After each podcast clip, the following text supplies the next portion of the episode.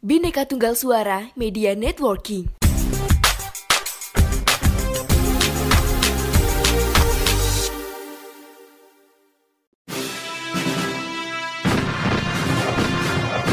Saya berbicara di sini sebagai penyambung lidah rakyat Indonesia.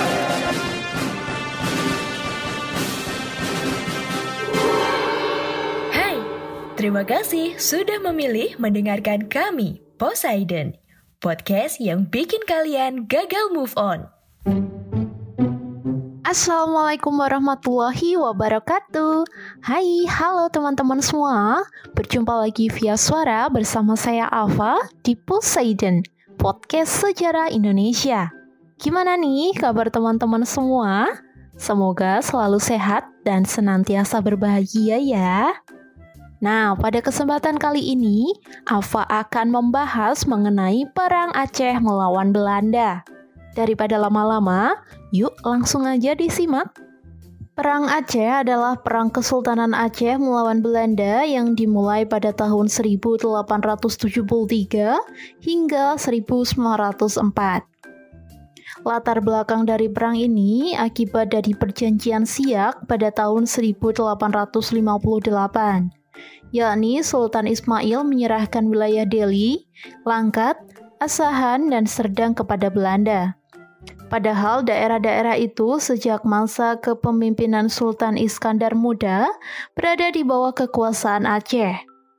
Belanda melanggar perjanjian Siak, maka berakhirlah perjanjian London pada tahun 1824. Isi perjanjian London adalah Belanda dan Britania Raya membuat ketentuan tentang batas-batas kekuasaan kedua daerah di Asia Tenggara, yaitu dengan garis lintang Singapura. Keduanya mengakui kedaulatan Aceh. Aceh menuduh Belanda tidak menempati janjinya, sehingga kapal-kapal Belanda yang lewat perairan Aceh ditenggelamkan oleh pasukan Aceh. Perbuatan Aceh ini didukung oleh Britania. Dengan dibukanya terusan Suez oleh Ferdinand de Lesseps menyebabkan perairan Aceh menjadi sangat penting untuk lalu lintas perdagangan. Ditandatanganinya Perjanjian London 1871 antara Inggris dan Belanda yang isinya Britania memberikan keleluasaan kepada Belanda untuk mengambil tindakan di Aceh. Belanda harus menjaga keamanan lalu lintas di Selat Malaka. Belanda mengizinkan Britania bebas berdagang di Siak dan menyerahkan daerahnya di Guyana Barat kepada Britania. Akibat perjanjian Sumatera tahun 1871, Aceh mengadakan hubungan diplomatik dengan konsul Amerika Serikat, Kerajaan Italia, dan Kesultanan Utsmaniyah di Singapura.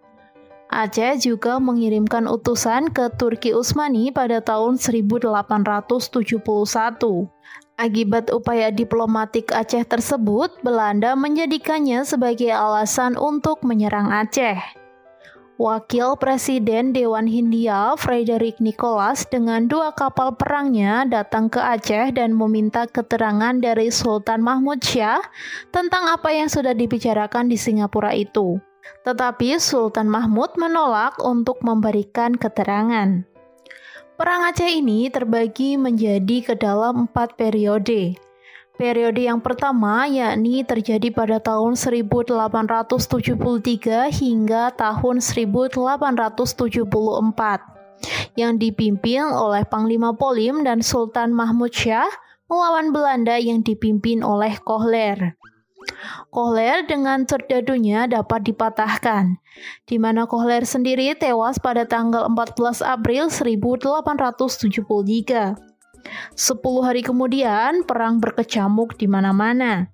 Yang paling besar saat merebut kembali Masjid Raya Baitur Rahman, yang dibantu oleh beberapa kelompok pasukan, ada di Peukan Aceh Lambuk, Lampuuk Peukan Bada, sampai Lambada Krueng Raya. Beberapa ribu orang juga berdatangan dari Tunom, Pidi, Piusangan, dan beberapa wilayah lain. Periode yang kedua yakni terjadi pada tahun 1874 hingga 1880. Pasukan Belanda dipimpin oleh Jenderal Jan van Sweden. Belanda berhasil menduduki Keraton Sultan pada tanggal 26 Januari 1874 dan dijadikan sebagai pusat pertahanan Belanda. Pada 31 Januari 1874, Jenderal Van Swieten mengumumkan bahwa seluruh Aceh menjadi bagian dari kerajaan Belanda ketika Sultan Mahmud Syah wafat pada tanggal 26 Januari 1874 dan kemudian digantikan oleh Tuanku Mahmud Dawud yang dinobatkan sebagai Sultan di Masjid Indrapuri. Perang pertama dan kedua ini adalah perang total dan frontal, di mana pemerintah masih berjalan mapan meskipun ibu kota negara berpindah-pindah ke Kemala Dalam, Indrapuri, dan tempat-tempat lain. Periode yang ketiga adalah tahun 1881 hingga 1896. Perang dilanjutkan secara gerilya dan dikobarkan perang visabilillah, di mana sistem perang ini dilangsungkan sampai tahun 1903. Dalam perang gerilya ini, pasukan Aceh di bawah Tengku Umar bersama Panglima Polim dan ketika pada tahun 1899 ketika terjadi serangan mendadak dari pihak Van der Dusen de Meulabo, Tengku Umar gugur. Tetapi Cut Nyadin, istri Tengku Umar, kemudian tampil menjadi komandan perang gerilya.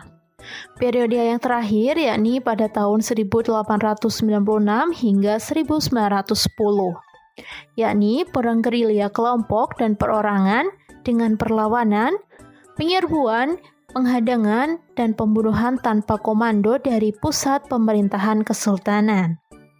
Tidak hanya sampai situ, Belanda juga memakai tenaga ahli yakni Dr. Christian Snoekhurkronje yang menyamar selama dua tahun di pedalaman Aceh untuk meneliti kemasyarakatan dan ketatanegaraan Aceh.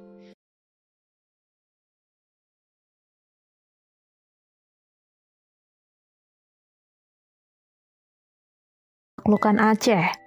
Usulan strategis Nukhorkronya kepada gubernur militer Belanda Johannes Benedictus van Hoots adalah supaya golongan Kemala atau sultan yang berkedudukan di Kemala dengan pengikutnya dikesempingkan dahulu tetap menyerang terus dan menghantam terus kaum ulama, jangan mau berunding dengan pemimpin-pemimpin gerilya, mendirikan pangkalan tetap di Aceh Raya, menunjukkan niat baik Belanda kepada rakyat Aceh dengan cara mendirikan langgar, masjid,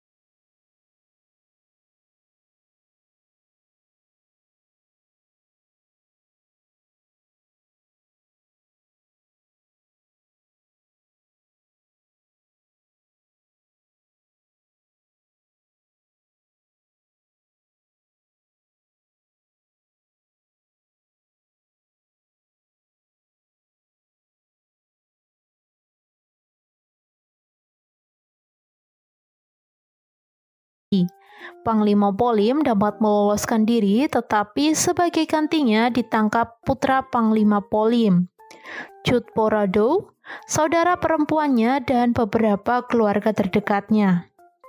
Akibatnya Panglima Polim meletakkan senjata dan menyerah ke Lok Sumawe pada Desember 1903. Setelah Panglima Polim menyerah, banyak penghulu-penghulu rakyat yang menyerah mengikuti jejak Panglima Polim. Taktik selanjutnya pembersihan dengan cara membunuh rakyat Aceh yang dilakukan di bawah pimpinan Van Dalen yang menggantikan Van Hoots. Seperti pembunuhan di Kutareh pada tanggal 14 Juni 1904 di mana 2922 orang dibunuh yang terdiri dari 1773 laki-laki dan 1149 perempuan. Taktik terakhir yaitu menangkap Cut Din, istri Tengku Umar yang masih melakukan perlawanan secara gerilya, di mana akhirnya Cut Din dapat ditangkap dan diasingkan ke Sumedang. Selama Perang Aceh, Van Hoots telah menciptakan traktat pendek tentang penyerahan yang harus ditandatangani oleh para pemimpin Aceh yang telah tertangkap dan menyerah di mana isi dari surat pendek penyerahan itu berisikan Raja mengakui daerahnya sebagai bagian dari Hindia Belanda. Raja berjanji tidak akan mengadakan hubungan dengan kekuasaan di negeri Belanda. Berjanji akan mematuhi seluruh perintah-perintah yang ditetapkan Belanda. Perjanjian pendek ini menggantikan perjanjian-perjanjian terdahulu yang rumit dan panjang dengan para pemimpin setempat. Walau demikian, Aceh tetap tidak bisa dikuasai Belanda seluruhnya. Dikarenakan pada saat itu tetap saja terjadi perlawanan Belanda meskipun dilakukan oleh sekelompok orang. Hal ini berlanjut sampai Belandanya dari Nusantara dan diganti kedatangan penjajah baru yakni Jepang. Oke, sekian dulu pembahasan mengenai Perang Aceh melawan